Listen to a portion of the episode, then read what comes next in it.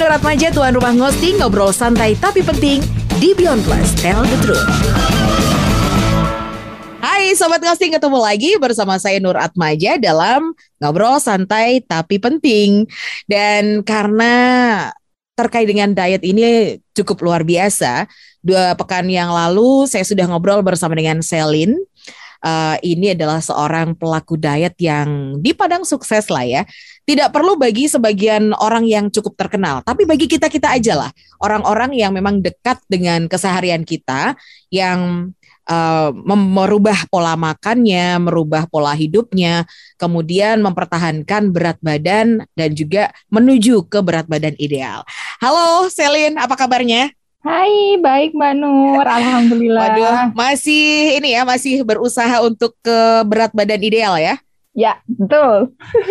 Aduh, Selin, kalau yang edisi sebelumnya kan Selin cerita tuh panjang lebar bahwa uh, sekarang ini banyak teman-temannya Selin yang merasa bahwa selain langsing, uh, Selen tuh seakan-akan kayak abis suntik vitamin C gitu karena memang sekarang wajahnya tuh glowing, cerah, tambah merona, cantik putih dan lain sebagainya.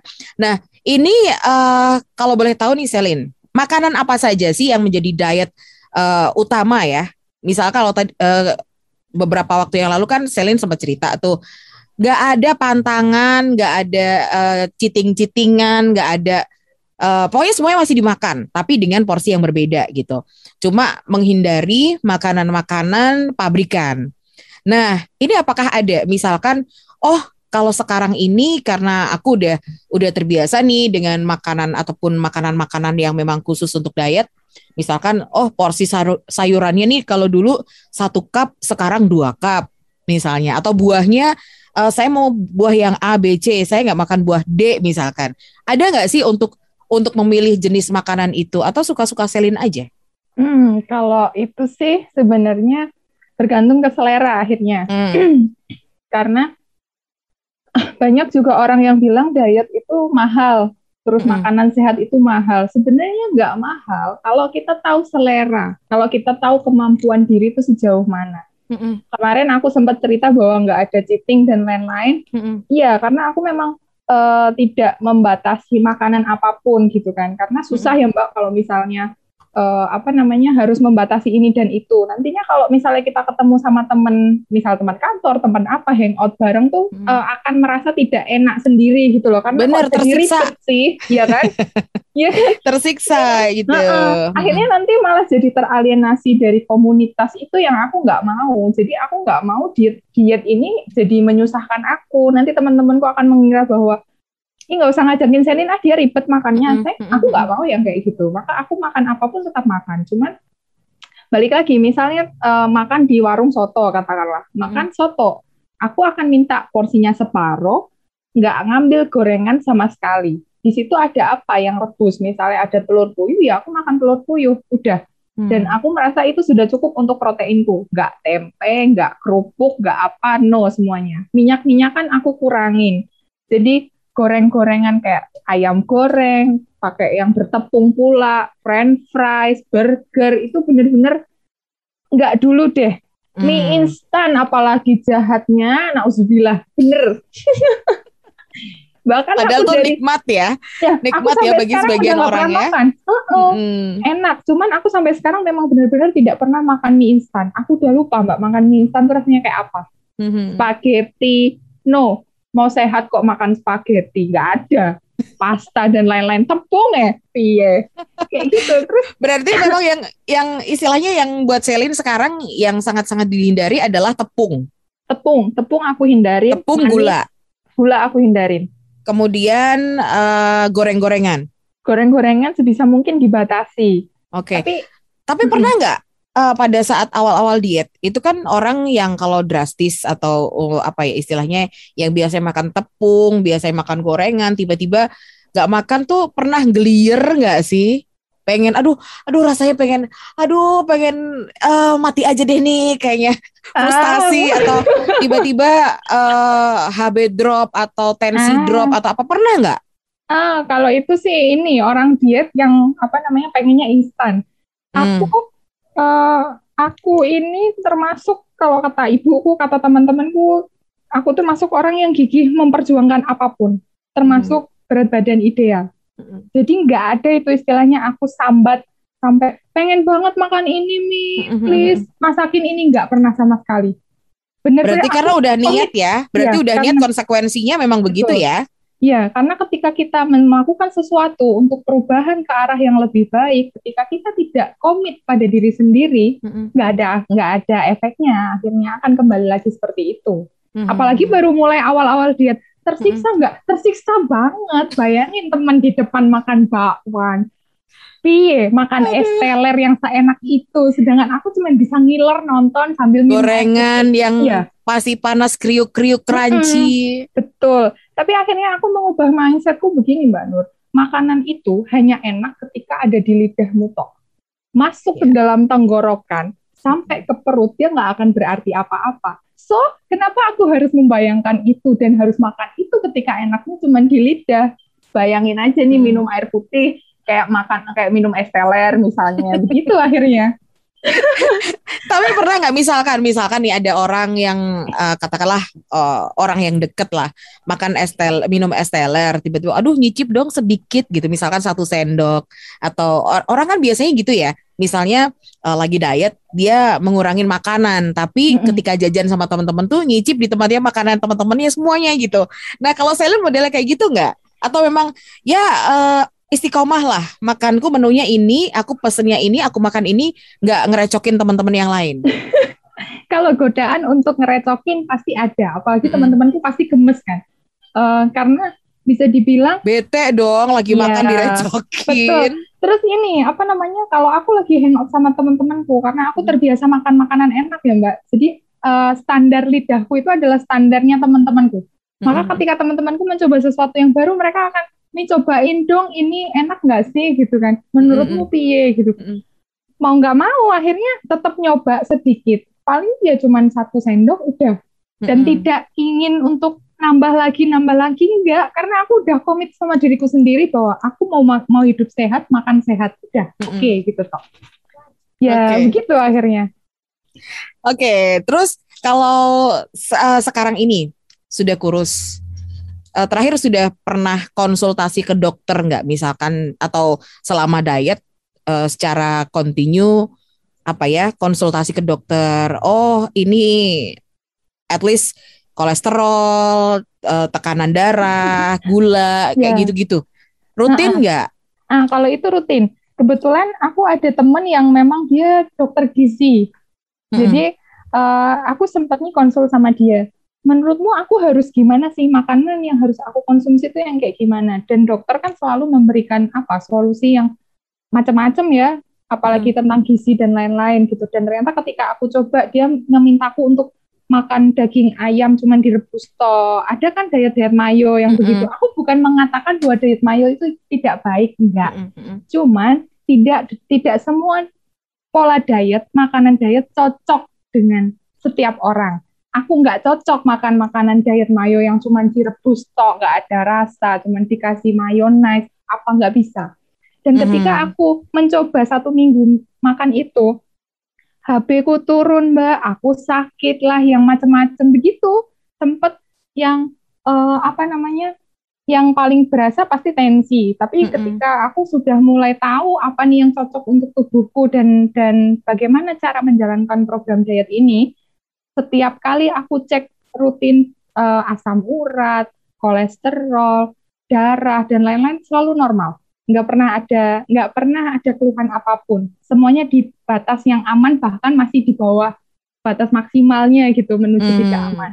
Terus hmm. kalau tekanan darah sejak dulu sejak uh, sejak dulu memang aku uh, darahku tekanan darahnya tidak pernah lebih dari 100 selalu selalu segitu. Tapi okay nggak pernah yang namanya sampai uh, gelir atau pusing banget tuh nggak pernah. Malah kalau aku kecapean, darahku naik. Tapi kalau aku tidak kecapean, eh, baik-baik saja, tekanan darah selalu normal 90 per 70. Kalau orang biasa, Oh, itu orang clear itu. Pasti clear. Yes, aku nggak pernah segitu. Segitu bagiku itu sangat normal untukku. Mm -hmm. mm -hmm. Gitu. Mm -hmm. Tapi memang uh, selama ini yang terakhir nih uh, untuk tekanan darah ataupun untuk status kesehatan gimana uh, Selin? Kemarin aku barusan cek minggu lalu, baik-baik aja semuanya normal, tekanan darah normal, asam urat normal, uh, apa namanya kolesterol normal, gula darah apalagi karena aku memang mm -hmm. apa walaupun mengurangi darah manis, uh, gula tapi, ya, uh, tetap mm -hmm. aja dikurangi kan. Mm -hmm. gitu. Terus sekarang uh, setelah tadi kan Selim bilang sempat apa ya sekarang udah agak kendor gitu ya nggak nggak sekencang dulu gitu kan. Mm -hmm. Nah ini sekarang uh, apa ya olahraganya apa? Terus makanannya masih dengan pola yang sama atau bagaimana? Ada perubahan nggak? Kalau olahraga karena udah jadi habit, aku tuh sampai merasa kayak berdosa ketika aku tidak melakukan olahraga dalam waktu misalnya sehari full tuh aku nggak nggak nggak sempat olahraga tuh kayak dosa. Besok aku harus hajar dua kali lipat. Itu hmm. sejak dulu awal aku diet, aku akan begitu. Ada komitmen ya? Iya, aku, aku akan selalu kayak gitu. Terus kalau soal makanan, sama juga Mbak. Misalnya hari ini aku sudah terlalu banyak makan nasi, katakanlah. Hmm. Aku sampai sekarang ini ya, teman-teman, ke makan nasi itu bukan terus sekarang kendor itu katakanlah dulu aku makan nasi goreng uh, satu apa satu porsi aku makan setengah terus sekarang karena kendor tak makan satu porsi lagi enggak juga aku makan nasi sangat sangat membatasi. Bahkan mm -hmm paling banter itu 5 sendok makan. Sekali makan. 5 sendok makan. Bukan sendok bukan yang apa namanya? Munjung. bukan apa full munjung ya? Ah munjung. Bukan yang kayak gitu. Ya, pokoknya lima sendok yang cukup dimasukin mulut ya? Ya lima sendok yang cukup dimasukin mulut itu udah paling banyak menurutku. Mm, mm, mm, mm. ketika ditanya kenyang atau enggak kenyang balik lagi kenyang atau enggak kenyang itu hubungannya sama otak ketika kita sudah tanamkan bahwa aku lima sendok ini akan kenyang perut akan ikut kenyang sama kayak aku uh, apa namanya tadi bilang bahwa makanan itu ketika enak itu hanya di lidah tok sampai mm-hmm. dalam tenggorokan nggak akan enak lagi rasanya. Ya itu akan keset gitu di otakku udah pokoknya enaknya cuma segini kalau berlebihan nggak akan enak gitu. Mm-hmm. Terus kalau tadi Mbak Nur bilang apakah sayurnya dua kali lipat dan lain-lain enggak karena semua hal yang berlebihan itu nggak akan baik buat tubuh. Mau sayurnya kebanyakan, mau buahnya kebanyakan, tapi kalau mindset kita tidak diubah, hmm. ya lapar-lapar aja, gitu. Jadi tergantung mindset itu tadi kuncinya yeah, di mindset ya. Betul. Dan nggak boleh instan. Nggak, nggak bisa. Nggak bisa. kalau di rata-rata satu bulan turun berapa kilo, uh, Selin? Tuh, kalau satu bulan bisa kalau konsisten dengan mm-hmm. apa model olahraganya misalnya mm-hmm. katakanlah lima kali dalam sepekan kemudian minum manisnya benar-benar dikurangi itu uh, turun 3-4 kilo itu sudah bagus dan itu sehat. Yang jelas itu yang aku tekankan, mm -hmm. itu mm -hmm. sehat. Kalau yeah. yang kalau kayak artis-artis lain kan kita nggak tahu ya mereka yeah, minum apa, terus aktivitasnya kayak apa. Seminggu gitu. setengah kilo aja udah kayaknya udah cukup bagus kalau konsisten banget. ya. Iya betul. Seminggu setengah kilo tuh udah konsisten. Kalau misalkan udah uh, seminggu setengah ya setengah kilo berarti sebulan dua kilo. Uh -uh. Sebulan dua kilo satu tahun sudah uh, iya, 24, 24 kilo, iya. Luma, udah lumayan Betul, banyak ya. lumayan. ya. Dan itu biasanya kita salah waktu nimbang berat badan. Yang nah, salah, itu gimana? Yang bikin panik. Kalau nimbang berat badan, jangan pas malam, apalagi udah mau tidur. Itu kan apa? Semua asupan makanan dalam waktu sehari secara akumulasi pas malam kan kita akan berat, beratnya nambah kan pasti. Ketika besoknya uh, bangun tidur buang baru. air kecil, baru nimbang berat badan. Dan mestinya jangan setiap hari sih kalau nggak mau stres. Karena mikirnya kan gini, eh kok aku nggak turun ya? Ya kali sehari lu pengen turun sekilo gitu kan. Emang apaan? Yang berkurang uh. pasti airnya, bukan bukan lemak atau apanya kayak gitu. Jadi uh. lebih baik sih seminggu sekali secara rutin di, di diukur berat badannya berapa, okay. ada perubahan atau enggak. Kalau nggak uh. ada perubahan berarti ada yang salah entah okay. makannya atau entah kurang gerak biasanya. Tapi Selin, selama satu tahun diet itu pernah nggak sih konsultasi ke dokter yang memang benar-benar ahli gizi atau mungkin ya sekedar konsultasi colongan lah ya, hmm. istilahnya uh, curhat-curhat sama yang ahli pernah nggak? Hmm. Pernah kan aku udah cerita bahwa hmm. ada temanku yang memang dia dokter gizi dan okay. dia memberikan saran gitu sebelum aku benar-benar memulai untuk diet karena aku hmm. sempat stuck piye ya caranya biar aku cepet turun berat badannya dan dia sarankan makan makanan yang tidak berbumbu, tidak digoreng, makanan apa itu bukan makanan namanya. Kalau yang kayak gitu kan apalagi kita orang awam aku sendiri sebagai orang awam yang biasa makan tempe goreng terus tiba-tiba mm -hmm. disuruh makan dada ayam seperempat kilo sekali makan terus nggak boleh dibumbuin nggak bisa aku mbak makan begitu sakit akhirnya terus akhirnya itu tadi menemukan metode sendiri hmm, gitu ya ngurangin porsi Betul. kemudian memilih uh, asupannya hmm. ditambah dengan olahraga ditambah dengan olahraga dan yang jelas uh, mindsetnya Hmm. Sampai kan ada apa uh, ada teman-temanku beberapa yang mereka melayani hipnoterapi. Hmm. Banyak pasien mereka itu adalah orang-orang yang pengen diet yang akhirnya memang berhubungan dengan itu ketika mm -hmm. kamu tidak komitmen ketika tidak bisa menerima diri akan stres kok nggak turun-turunnya beratnya stuck di sini terus ya mm -hmm. gimana akhirnya balik lagi makan ya udahlah sama aja makan nggak makan kok tetap gue beratku tetap 70 kilo, udah hmm. mending makan kayak gitu. Salah yang begitu. Berarti ya, memang, harus ya, ada tetap harus ada harapan di depan gitu ya. Iya. Pokoknya nggak ada nggak ada usaha ataupun nggak ada hasil yang mengkhianati usahanya gitu ya. Betul. Oke. Betul sekali. Dan sekarang targetnya dari berapa berapa uh, berat badannya sekarang berapa, Selin? Aku uh, stabil di 67, 68. 67 68 mm -mm. masih target ke 60 kilo gitu ya. 60 kilo. Iya, karena bagiku ketika sudah mencapai satu titik, oh aku bisa ya ternyata dalam dalam waktu katakanlah satu setengah tahun sampai dua mm -hmm. tahun gitu. Dari dari 100 kilo sampai sekarang stabil di 67 68. Mm -hmm. Kok gini-gini aja ya? Eh, itu, lagi ah. Itu gitu. kulit gimana kondisi kulit? kondisi kulit Oh glowing dong. Tapi kan banyak orang tuh kan yang habis gemuk terus kurus hmm. tuh kan ada yang kendor-kendor. Itu ada exercise hmm. yang uh, Selin lakukan nggak? Ada mbak, bahkan aku tuh sampai sempet stres kan di lenganku itu gelambir-gelambirnya tuh ini banget apa namanya kayak kupu-kupu ya kupu-kupu bener ya gimana dulunya bajuku ukuran 5L sekarang aku bisa pakai ukuran L hmm kayak gitu terus juga di apa namanya perut mm -mm. Uh, apa namanya kulit kulit perut gitu kan mm -mm. kayak kayak kelihatan masih kembung gitu kan mm -mm. susah juga ya gimana dulunya celanaku katakanlah ukurannya 34 sekarang aku bisa pakai ukuran 29 mm. kayak gitu jadi uh, kalau untuk exercise tetap ada dan itu pelan-pelan karena nggak bisa emang ini apa namanya uh, misalnya ke dokter kulit dipotong gitu aja biar hilang apa gimana enggak operasi juga. plastik dong hmm, makanya enggak juga tapi kalau kalau misalnya kita pakai baju yang katakanlah ketat uh, yang kaos gitu ketat ngeplat body hmm. itu enggak akan enggak akan kelihatan gelambir-gelambir ya hmm. biasa aja gitu. tapi kalau begitu di depan kaca sendiri dilihat aduh masih banyak koreksinya gitu ya iya makanya nggak akan pernah puas wes pokoknya Oke, okay, tapi iya. sekarang sudah stabil dan tidak ada gangguan kesehatan yang lainnya ya, Selin ya? Iya, yang jelas nggak ada. Justru malah ketika aku tidak olahraga, Mbak Nur, hmm. itu aku sempat uh, mengalami yang namanya kulitku bersisik. Ini okay. bukan karena bukan karena musim kemarau panas uh, ya, hmm, bahkan di hmm, musim dingin pun akan begitu. Hmm. Terus kelihatan kusam, uh, apa namanya jerawat pada nongol kayak hmm. gitu dan benar-benar kasar banget kalau memang jarang banget olahraga. Jarang olahraga ini maksudnya bukan aku sama sekali tidak olahraga ya. Aku masih stabil olahraga misalnya dua kali dalam seminggu katakanlah. Mm -hmm. Itu aja aku masih kayak gitu. Jadi memang tubuhku sekarang menuntut untuk uh, katakanlah lima kali olahraga dalam seminggu dengan durasi 30 menit satu kali olahraga.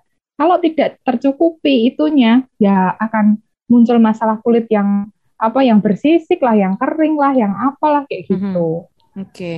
Dan berarti Selin sekarang sudah bisa menentukan bahwa diet yang cocok adalah diet uh, yang diet polanya ditentukan oleh Selin sendiri gitu ya. Mm, iya. Bukan dengan jenisnya bayi siapa, uh, bayi seperti yeah, apa dan lain yeah. sebagainya. Bukan disesuaikan yang, dengan diri yeah, sendiri. Tapi bukan berarti uh, diet bayi siapa tuh jelek enggak. Bisa mm -hmm. juga untuk panduan. Tapi perhatikan kembali, jangan hanya uh, fokus sama itu dan ngikutin itu toh. Jangan Karena itu kan tubuh, sudah jadi teori ya. Ya betul tubuhnya dia yang kamu contoh dengan tubuhmu sendiri itu berbeda. Betul. Itu yang harus dipahami dan mm -hmm. selama ini banyak orang yang kayaknya mengatakan bahwa aku ngikutin dietnya si A ini kok nggak berhasil hmm. sih? Ya beda, tubuhmu settingannya beda sama yang A itu kan. Waduh. Maka nggak bisa dijadikan satu-satunya satu-satunya panutan gitu nggak bisa. Mm -hmm.